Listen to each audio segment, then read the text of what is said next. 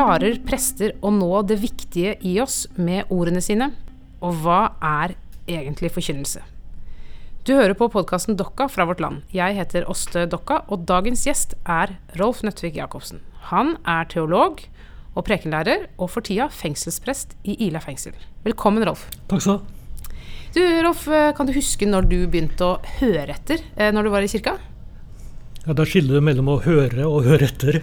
Eh, ja. For jeg har jo hørt helt fra starten av, eh, både i Indremisjonen i Trondheim og i kirka når eh, jeg vokste opp på, eh, i Trondheim. Og vi eh, har hørt mye forkynnelse. Når jeg hørte etter, eh, da tror jeg jeg begynte å bli mer voksen. Kanskje komme i eh, i gymnaset og fikk eh, lyst til å tenke at uh, kristendom var en spennende ting. Så da begynte jeg å høre etter. Og det du uh, hørte, var det til din glede? Det var stort sett til min glede, men det var da i Studentforbundet i Trondheim. Ehm, og på, i Domkirka i Trondheim. Og det, ofte syntes jeg at det var storarta og fint. Ehm, så det var der jeg begynte å uh, få utbytte av Eller positiv utbytte av forkynnelser. Vi- hva har vi noen definisjon av hva forkynnelse er for noe? Ja, det har vi jo. Eh, mange. Ja, Kom, med- gi oss én. Altså En bruksdefinisjon i, uh, i vår sammenheng vil jo være at det er eh, noe som blir gjort og sagt, gjerne, for å formidle evangeliet. Gjerne i en gudstjenestelig sammenheng. Men jeg syns det er viktig at en hele tida tenker på at det dreier seg om å formidle evangeliet til den tilhøreren som finnes der akkurat der og, dag, der og da eh, i dag. Og hvordan eh, mm, det, trenger, det Med andre ord så innebærer ikke den, eh, den definisjonen noen bestemmelse om at man må snakke om en bestemt bibeltekst, f.eks.? Nei, men det gjør en da som regel i kirka. Å bruke en bibeltekst, og det er en såkalt forordna bibeltekst, som eh, svært ofte, og, og jeg tenker jo helst bør være en evangelietekst. Um, og bruke det som utgangspunkt for en eh, formidling av evangeliet. Og jeg tenker der, eh, Det må en nesten hele tida ha med hvis en skal snakke om eh, forkynnelse. At det, det er formidling av evangeliet, og noen ting må skje. Når du sier at noe må skje, kan Mm. du gi oss litt flere ord, til, ord på det? Så det som er saka, er jo at eh, forkynnelse er kanskje en av de uh, tinga som har lavest forventnings... eh, det er lavest forventning til i samfunnet. Eh, alle orda vi har om preken, er jo stort sett negativ. Altså Skjennepreken er på en måte det mest positive vi har. Og så er det ulike andre pisspreik og hva som helst. Eh, så at eh, forventninga er allerede såpass lav at eh, dessverre at jeg tenker at vi må et eller annet uh, forventninger i hvert fall må at noen ting må skje. Uh, at du blir Kanskje får litt mer livsmot. Eh, kanskje for en ny innsikt. Kanskje for større håp. Eller forståelse for den situasjonen du er i. Eh, og sånn sett så skiller vel ikke prekenen seg så veldig mye fra andre taler. Nei, den gjør ikke det. Og Det er derfor at en nå kan bruke de samme orda som har blitt brukt i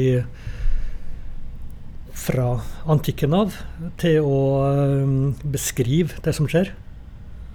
Det som ofte kalles retorikk. stort sett, eller da homiletikk øh, i kirkelig sammenheng.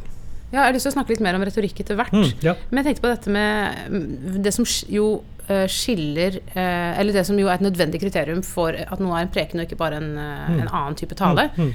er jo dette med evangeliet. Ja. At det er et eller annet eh, som skal formidles. Et Mm. eller annet type sånn innhold Ja. eller noe eh, som er begrensa til et eller annet. Eh, det er veldig vanskelig å bruke ord for å si hva det er, fordi det, eh, ja, det må jo handle om Gud eller Jesus på en eller annen måte, da. Ja. Um, Mm. Fins det prekener eh, som ikke handler om Gud og Jesus? Som er prekener? Den kan jo bestandig handle om Gud og Jesus på en indirekte måte uten å si ordet Gud og Jesus. Det vil jeg mene. Eh, og litt av det som evangeliet handler om, er jo at eh, Å gjøre Guds skapervilje tydeligere. Og den er jo såpass gjelder for alle mennesker, så den kan tenkes at det går an å uh, ha en preken uten å nevne orda Gud Jesus, men uh, for min del så vil det nok uh, synes at det blir uh, vanskelig å helt forestille seg hvordan det skal være. Jeg husker da jeg var i eh, praksis første gang jeg mm, hadde mm. prestepraksis. Mm. Da var du min prekenlærer, faktisk. Ja, ja. og da, eh, da, jeg var i praksis, så sa, skulle jeg preke, og så sa veilederen min spurte hun om, om jeg ville at hun skulle se på preken først. Ja. Og så sa jeg ja takk til det. Mm. Og så sa hun ja, det er fint, men kan, en ting du kan uh, gjøre, mm. det er at du sjekker alltid gjennom manuset ditt før du skal holde preken, og se at du har nevnt Jesus. Mm. Og det var faktisk ikke en dum påminnelse. Altså, det, var, eh, det, har jo gjort at jeg liksom har At jeg har blitt mye streng Eller jeg ble da streng med at eh, jeg ikke bare skulle si noe som kunne passe inn overalt, men også mm. var veldig sånn spesifikt for mm. å lette etter akkurat det. da Hva er det med Jesus her som er mm. viktig? Mm. Eh, men det er ikke alltid det er lett, altså. Kanskje spesielt i bryllup, vil jeg si, når man skal forkynne i bryllup. Mm. Hva har Jesus med det å gjøre? Um, ja, men det skjønner jeg godt. Uh, det som da er fordelen med å hele tida tenke det, er at en kan bli bedre til å lese bibelteksten. Hvis det er en evangelietekst, så hele tida jeg at ja, men det her er noe ord som Jesus har sagt, eller en fortelling om Jesus. Så sjøl om det høres ut som allmenne ord om, om fugler under himmelen eller korn eller hva som helst, så er det noe som uh, Eh, som Jesus eh, har sagt for å formidle Guds rike. Eh, og det gjør, kan en gjøre at en blir bedre til å lese den teksten som en far foran seg. Det er klart at når det gjelder utfordringer som f.eks. i bryllup eller og begravelser, så kan det jo være folk som har vanskeligheter med å høre ordet Gud, eh, og noen som har vanskeligheter med å høre ordet Jesus. Og det må en jo da finne ut av. Men øh, øh, Men for min del så vil nok forkynnelse i streng mening være bundet til at en eller har et utgangspunkt i en bibeltekst som blir lest skikkelig. Og så i tillegg at den situasjonen som tilhøreren er i, og blir eh, lest og tolka. Men er det noen eh, tekster som er satt opp som prekentekster i, i, vår, uh, i, i vår, kirke, i Norsk mm, kirke, mm, mm. som eh, det er vanskelig å se et evangelium i? Mm. Det er det. Og hva gjør predikanten da? Da kan predikanten snakke om det, at det er vanskelig.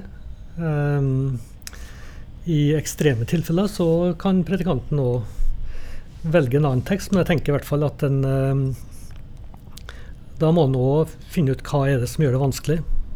Og jeg tenker at nå, helt opplagt noe av det som da er vanskelig for svært mange, vil jo være det som dreier seg om ord om dom og eh, bilder av en streng gud.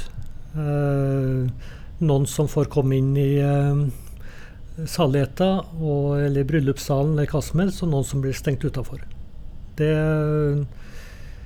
Og når du vet at så mange i Norge har slit og har problemer, uh, ofte skamfølelse, påført av forkynnelse, så er det en viktig ting å bare vite uh, at her beveger en seg i en, i en faresone som gjør at en må være oppmerksom på hvordan de ordene som blir sagt, eh, blir mottatt. Men kan man også bli for, uh, for var eh, i sånne situasjoner? Mm. At, ja. at, man ikke får At man blir redd for å støte, sånn mm. at man ender opp med å egentlig ikke si så mye?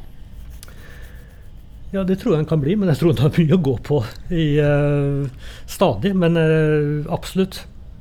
Uh, men jeg tror, tror akkurat den der varheten, eller å prøve å finne ut hva folk har i seg, hva forventninger de har, og hva håp og drømmer, hva som står på spill Med en gang jeg begynner å få litt følelse og skjønne det, så vil det jo være uh, mye lettere å finne ut hva som kan virke befriende, uh, og uh, som kan gi håp, eller formidle Formidle noe godt. Og av og til så vil profetiske ord òg være viktig å si, sjølsagt. Og da ord som da er, har ubehagelige sider med seg. Sånn er, sånn er evangeliet også. Eh, da jeg eh, var ung, så uh, var jeg mye sånn i ungdomsarbeid og i, kirka og sånn, men jeg tror, ikke, jeg tror, ikke, Eller jeg vet at jeg ikke hørte etter. At mm. jeg skrudde av øra ja. idet preken begynte. Mm. Uh, og først da jeg kom i miljøer hvor, hvor, de som jeg var sammen med, begynte å diskutere prekenen ja. etterpå, mm. uh, så skjønte jeg at jeg måtte begynne å høre etter. Um, men jeg tror Jeg har merka det selv når jeg jobba som prest, at uh, den, det er ganske mange som, uh, som, rett og slett skrur av idet ja. preken begynner. Mm. Um, så vi forutsetter nå at folk faktisk hører det, man, det, det som blir sagt. Da. Ja. Uh, det er jo ikke gitt at det slår til, men er, er det liksom tror, du, tror, du, presten bryr seg for mye Eller mm. tror, tror, man kan legge for stor vekt på da, mm. hva man sier? Mm. At det kanskje ikke er så viktig for andre. um, jeg tror jo at den uh, bryteren uh, finnes der. Den som bare slår av. Og at det skjer veldig raskt. Og av og til så skjer det kanskje litt som på autopilot. Um, at en uh, hører etter helt til starten på prekena, og så vil en da mange, både ut fra tonefall og bare at det nå er en prekende situasjon, uh, gir slipp. Og så er det et spørsmål om Det store spørsmålet i tillegg er jo da spørsmålet om hvor mye oppmerksomhetsspenn og hvor langt det spennet nå er. Ja, Hvor stort er det? Ja, når jeg leste uh, det som da den gangen var litt oppegående uh, retorikk for 20 år siden så snakka han da om Det var snakk om 13 minutter, og så at den detter ut. Hvis det er en lang tale, også et par minutter, og så kanskje 10 minutter. Og så dette ut igjen, og så 7 minutter. Det tror jeg da er 20 år siden, og nå er det et helt annet spenn. Sånn at øh, øh, Noen snakker om at en, en, tale ikke kan være lenger enn 13 minutter. Um, noen snakker om 7,5 minutter, f.eks. Og amerikanske eh, folk som driver på med forkynning, snakker om 90 eh, sekunds prekener. Men jeg, jeg, har av og til vært innom YouTube og sett på sånne amerikanske, ja. og norske for seg, mm. pinsepredikanter. Mm. Og de kan jo snakke altså de kan jo bare snakke på. De ja. kan jo snakke en halvtime. Ja. Og, de, og, jeg følger med, altså. Mm. Så det er jo et eller annet uh, med måten man snakker på også, tror du ikke det? Mm. Jo, og der finnes det folk som da er sånn type radioverter eller standup-folk eller hva som helst, som da, og fortellere som kan klare det. Uh, jeg tviler jo på at uh, mange av oss vil, vil kunne ha akkurat den der halvtimessjarmen. og særlig i en, krevende, i en sånn gudstjenestesammenheng hvor mye skjer om hva som helst. Men kanskje. Men da må man i hvert fall Men da må man i hvert fall eh, prøve å finne ut eh, når eh, folk forsvinner ut. Og det kan jo se på folk, stort sett. I hvert fall i en del menigheter. At eh, nå begynner tankene å gå på middagen eller på skituren eller hva som helst.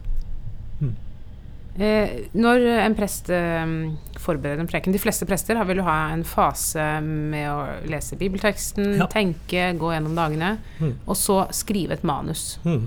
Eh, og så kommer søndag morgen, og da skal det manuset på en eller annen måte uh, bli til lyd. Ja. Eh, hva er det som hva, hva, er det som skjer der? Hva er eh, Kan en preken være Kan en eh, dårlig preken reddes av en god taler, f.eks.? Hvis du har Skjønner du hva jeg mener? Ja. absolutt. Og av en eh, god situasjon, eller eh, Så der, der er det ingen klare ting. Og det er klart at jeg har lest prekener som er gode på papiret, og som har hørt ikke når frem. Og så har jeg lest utkast til prekener som ser kaotisk ut, men som en god predikant kan få, eh, få ut og få formidla. Men her tror jeg at alle sammen som driver på med sånt, må finne ut av seg sjæl hva som er eh, den beste måten å gjøre det på. Noen uh, satser på at det, den beste måten å få kontakt med tilhøreren på, er å uh, tale uten manuskript. Det er liksom en trend som har vært eh, litt oppadgående i Norge de siste åtte åra, eller et eller annet sånt. Og det kan jo være kjempeviktig. Men jeg vet jo at eh, hvis en har et manuskript eller en punkt eller hva som helst, og er i stand til å eh, se hva som skjer, så kan eh, det føles og oppleves akkurat like fritt.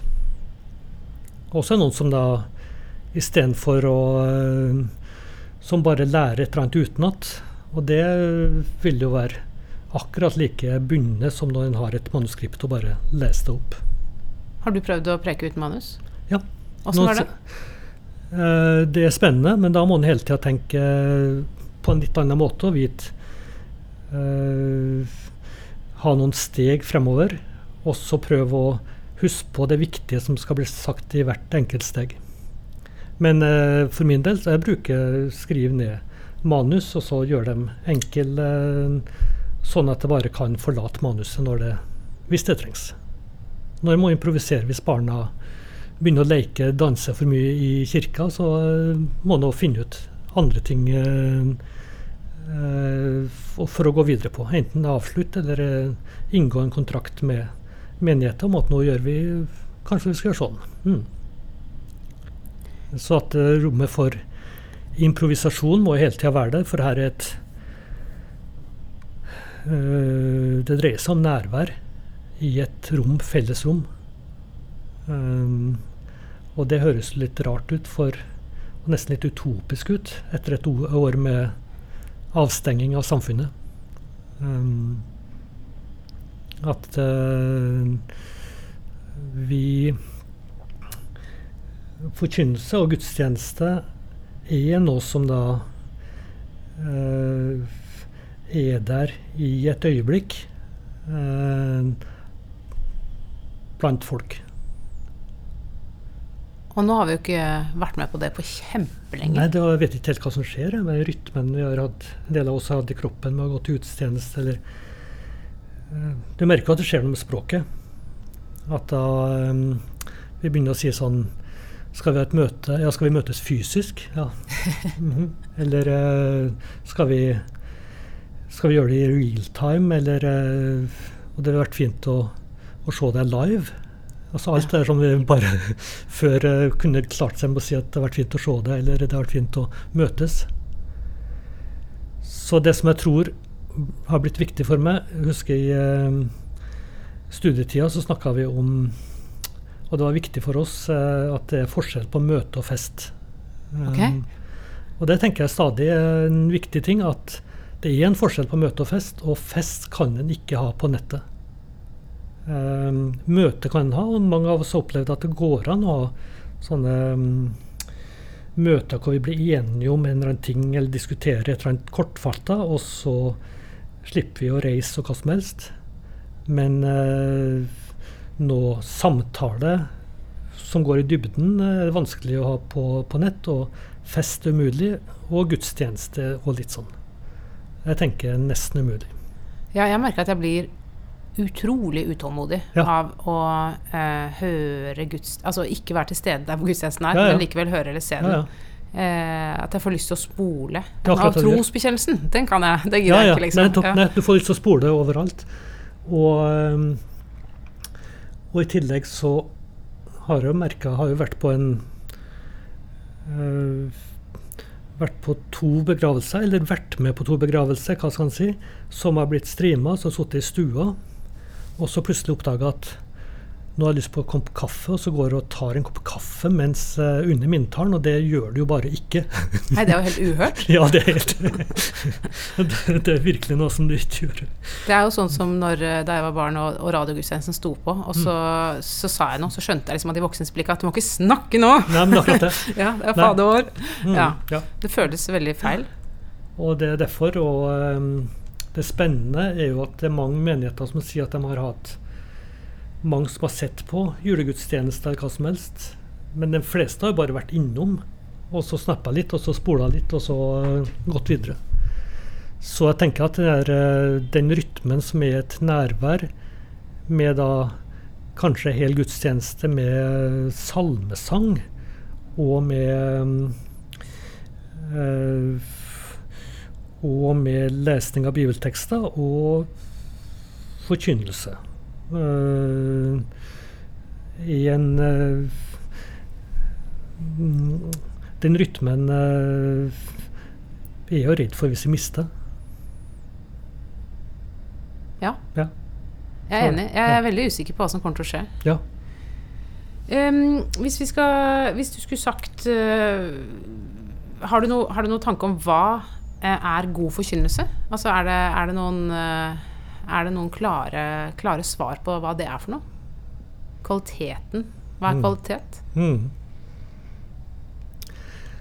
Nei, og Det er akkurat der at det blir fort uh, lett å bli allmenn, og så uh, uh, Og kvaliteten Nei, det blir vanskelig. Jeg tror jo nettopp at hvis en nå snakker om preken som ofte har blitt forstått som enveiskommunikasjon, og gjerne enveiskommunikasjon ovenfra. Så vil det jo være spennende at uh, i mange norske dialekter så er preike òg et uttrykk for å snakke sammen.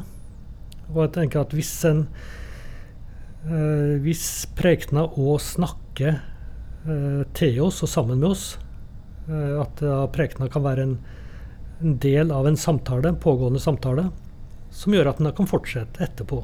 Uh, på kirkeaffen eller dagen etter, eller uh, at det kan surre rundt. Så tenker jeg at det er et kvalitetstegn. Uh, så det betyr jo at den prekena hele tida tar det livet som faktisk finnes akkurat i år, i dag, på alvor, og situasjonen til de folkene som er. Det tenker jeg er én ting med god forkynnelse. Og så eh, at den har ei fornemmelse og vet at det her er basert på ordentlig arbeid med bibeltekster. Det syns jeg er en kvalitetstegn. Ellers så eh, vil det um, Må en hele tida når en snakker om forkynnelse, være konkret og vite at det her er, for veldig mange prester er noe av det mest sårbare de gjør. Um, og noe av det dummeste er jo når uh, prester som da, eller forkynnere etter gudstjenester da blir utsatt for å høre alt det som var gærent med prekena, som i en sårbar situasjon. Ja, for det er jo både et uh, stor, et stort sånn maktprivilegium å få lov å stå og snakke til folk og si hva du vil, eh, i så mange minutter du egentlig vil. Mm. Eh, og samtidig så er det også veldig sårbart. Det er begge deler på en gang. Mm. Mm. Eh, og jeg syns jo det er viktig at, uh, at presten som, til, som, som, den eneste som får lov til å gjøre det, også får uh, høre det tilbake, liksom. Eh, samtidig som jeg jo vet veldig godt fra egen erfaring at det er ekstremt ubehagelig å mm. få møte mm mm, møte det man møter etterpå. Mm, mm. Noen ganger kan være. Ja. Men da tror jeg nettopp at det er viktig da, å skille mellom eh, karakterisering og beskrivelse. Og i hvert fall å starte i beskrivelse av det som har vært. Eh, Prekena starta sånn, starta sånn, eh, og så og slutta sånn. Og det sa også der og da. Også ut fra den beskrivelsen så går det an å gå videre og finne ut hva det er så lurt, eller hva som helst. Men uh, veldig mange av oss har jo da Og mine kollegaer har da møtt karakterisering. Det var en dårlig preken, eller um, hva som helst, og som det er nesten umulig å uh, forstå. Og det kan være Særlig uh, rett etter gudstjeneste så vil um, de fleste være som svamper som trekker til seg alt. Ja, en kollega av meg fikk høre etter gudstjenesten fra en gammel dame Takk for mange ord. Det er fint. Ja, ja, nei, det, er det, er jo presist, men ja, samtidig føles det som et, et hint om flere ting. Mm. Mm. Ja, men det, og jeg tenker i hvert fall som kollega så må vi være gode på å kunne eh, beskrive, og gjerne dagen etter vil snakke om det her, og gjerne ha en sånn fast samling hvor en da kan drive på eh, beskrive og gjøre hverandre dyktig ved å nettopp eh, kunne se ordentlig på prekena. Og ikke bare med å komme med karakterisering at det var en god eller dårlig preken. Eh, mm. Jeg har eh, det siste året lest eh, to prekensamlinger av en, en britisk prest som heter Mark Oakley. Mm -hmm. Og han er eh, han er veldig god, ja. Ja. så jeg skal begynne med karakteristikker. Ja, eh, men det er veldig interessant er jo, Han tilhører den anglikanske tradisjonen. Eh, og han er jo da I hvert fall i de, de prekenmanusene, som er jo det man får når man, mm, mm, når man leser, mm. så eh, ser jeg veldig lite av bibelteksten. Altså, han er veldig lite eksegetisk. Han mm. gjengir ikke fortellinga som han mm. snakker om. Eh, og dersom han griper fatt i ting i teksten, så er det ofte en formulering eller et ord eh, som han bruker som et springbrett til å si noe. Mm. Eh, og på den måten så opplever jeg at uh, veldig ofte de prekene, selv om jeg syns de er ofte veldig tankevekkende og gode, de bærer jo preg av å være en form for eh, eksistensielt essay. Mm. Eh, mer enn det jeg oppfatter som mm, i hvert fall Luthers klassisk forkynnelse. Ja, ja. Um, og jeg tror jo at noe av det som er som fortsatt står sterkt i vår tradisjon i Norge, er jo at forkynnelsen den skal pushe tilhøreren til å ta stilling, eller til å bli overbevist, eller til å eh, Til omvendelse, kanskje. Og noen ganger er det veldig subtilt. Mm. Eh, at, mm. at, vi er veldig flinke til å til å ikke være aggressive i prekenen, men samtidig så driver vi et type sånn overbevisningsarbeid ofte. Um, er det, kan du kjenne igjen dette? Ja, litt, men ikke så veldig mye. Uh, um, men altså, jeg skjønner jo uh, Hva var det Oakland het? Oakley. Oakley, ja, nettopp. ja. Som da høres ut som en offentlig eh, eh, predikant som da henvender seg ved hjelp av bøker og alt mulig i en sånn sammenheng. Um, det er klart at vi i, uh, i Den norske kirka, i en luthersk tradisjon, har hatt en uh, Har uh, vært prega av omvendelsesforkynning. At en da skulle Eh, ikke bare formidle evangeliet, men nå da formidle at, eh, og sikre at folk blir omvendt. Og um, um, Og det er jo fint å kunne venne seg til ting, men uh, den type omvendelsesforkynnelse som mange har opplevd, uh, har òg uh, ført til at folk har blitt brent eller skada eller fått skamfølelse, skam, kjent skam. Men der Jeg føler litt at de fleste prekenene jeg har hørt om, har vært prega av et ønske om den type omvendelse, men uh, at det har vært forkynnelse til medkristne. Ikke folk som da skal bli kristen, men folk som da er eh, kristen, og som eh, vi sammen skal prøve å finne ut av mer om hva betyr håp for oss i dag eh, med etter et år med korona, eller hva betyr kjærlighet eh, etter den her meningsløse begravelsen, eller uh, hva som helst. Mm. Men det kan jo også være et uh et uh, litt for inkluderende vi noen ganger. Mm -hmm. At, at vi som sitter her Men noen av de som sitter her, skal jo bare være med i den himla dåpen. Altså, de, er ikke, mm. de er ikke nødvendigvis med i viet. Kan det Nei. også være ekskluderende, tror du? Absolutt. Jeg tror det de småorda som vi bruker, er jo de mest, de mest problematiske orda. Og personlige pronomen som vi, dere og særlig de, er jo utrolig vanskelig å finne ut hvordan skal vi forholde oss til det der. For vi kan da si vi, og så vet jeg at ja, men det er ikke sikkert at alle sammen er med i det her vi-et. Og så kan en av og til si de, og da er det enda mer problematisk. Sånn som en før snakka om kirka og kvinnene, eller kirken og de homofile, eller ja. hva som helst. Mm. Uh, vi og de andre. Uh, vi bærer mange med oss når vi går frem, uh, også gitt for dem.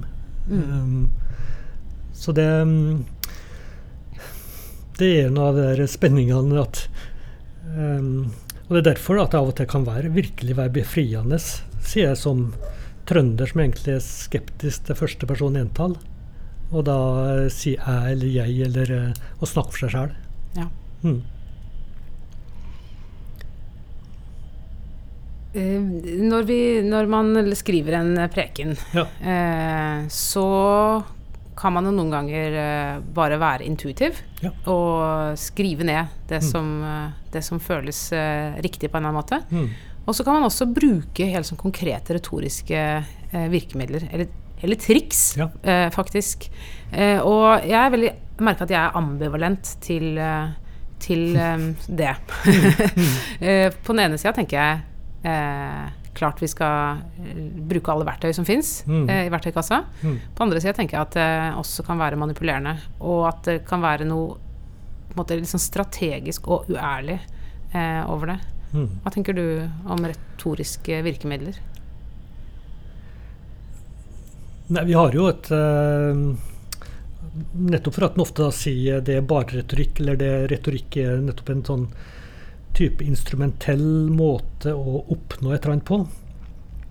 Uh, og nettopp det ved å uh, tenke på retorikken som en ulike typer av triks man kan gjøre for å manipulere tilhøreren, vil jo være en uheldig måte å drive på med. Å prøve å bruke retorikken som et, som et, stor, som et stort ressursfelt. Um, som det går an å gå inn i og lære seg å finne et språk for ulike måter å holde en tale på. Um, så um, Men med en gang det blir uh, triks, knep eller hva som helst, så er det syns jeg er problematisk, og det er ofte veldig lett gjennomskuelig. Uh, nå skal jeg fremstille Nå skal jeg si litt om meg sjøl, sånn at du får litt tillit til at jeg er et godt menneske, og så kan jeg gjøre sånn og sånn. Det Det tror jeg folk gjennomskuer ofte. Jeg her vende tilbake til Mark Oakley, som jeg nevnte i stad. Mm, For mm. han, store deler av hans predikantvirke så var han i Nå husker jeg ikke hvilket navn, men en, en av kirkene i London som stort sett bare har turister innom. Ja. Det er de fleste som hører på hans gudstjenester, har aldri hørt ham før og vet ikke hva de kan forvente. Mm -hmm. Eh, og jeg tror det er derfor han nesten alltid starter preken med en vits. Ja, ja, ja. og det kan jeg på en måte forstå, fordi at uh, du vil uh, at folk skal tenke At folk skal åpne opp Mm. for det du har å Mm. ha på hjertet. Ja. Ehm, og så vet jeg ikke helt om det er, er så lurt likevel. Nei, det er jo da det som da handler om starten da, av en tale. Eh, og det som jeg tror er viktig, er å tenke at eh, starten skal gjerne gjøre at man får lyst til å følge med, gå videre. Men samtidig må starten ha et forhold til resten. Eh, og med en gang en da starter med en vits, så skal det godt gjøres. Og, eh, og så sa dansken. Men Og så Det er veldig vanskelig å komme videre på en god måte. I Bibelen er det også mange nasjonaliteter. Ja, eksempel. Ja, ja, ja, nettopp. Og da plutselig så forsvinner folk ut, eh, og det blir et annet tonefall. Og, eh, så jeg tror den der eh, Det er en debatt, eller en samtale, i både når det gjelder tale og når det gjelder forkynnelse, hva som er viktigst. slutten eller starten. Jeg tror jo starten er kjempeviktig. Eh, men da eh, er det jo viktig at det ikke bare er starten, men det er hvordan går videre fra den der starten. Og at den skal helst eh, henge sammen med resten. Og få lyst. Så han får lyst til å fortsette. Jeg var en gang på kurs med en, en, som skriver mye aviskommentarer. Og vedkommende sa at det, det han jobba mest med, det var åpninga. Mm. Det var du må, du må liksom, Det er det som må sitte, er de første setningene. Mm. Men det som slo meg etter at jeg var på det kurset, er at hver gang jeg leser noe han har skrevet, så slutter jeg å lese etter to setninger. Ja. så det er kanskje akkurat det der. Ja, men det er akkurat det. Ja. eh, at da er allerede alt sagt. Og, og jeg tenker jo det eh, At folk som da kan utvikle et eh, litt langsiktig resonnement, også havner på en plass. Altså eh, Også konkludere og så eh, tenke at nå har vi lært noe nytt. Det syns jeg er kjempefint. Nei, så er jeg jo veldig for den der eh, det, hvor det blir tydelig på slutten at eh, nå har vi vært gjennom en eh, tankeprosess, og, så, og derfor så hva som helst. Ja, det betyr at du eh, har sans for en form for sånn argumentativ kurve i, eh, i prekenen. For eksempel. Mm. Og det kan òg være der. Eh, men eh, det vil jo da forutsette at hele prekena på en måte henger da sammen. Eh, og, både starten og slutten. Ofte så Sånn som når jeg har når jeg hører prekena, så kan jeg tenke meg at her har vi starten, ja. Og det er en eh, egen avdeling, og så er slutten en egen avdeling som en slags sånn modulering. Når eh, gikk, går stemmen, sånn i Grand Prix, sånn, stemmen går litt opp, eh, og så blir det litt mer eh, Derfor er det sånn og sånn. Så jeg tror mange av oss eh, som har hørt mye prekener, vet nøyaktig når slutten kommer. Klarer du å la være å tenke eh, analytisk når du hører prekener?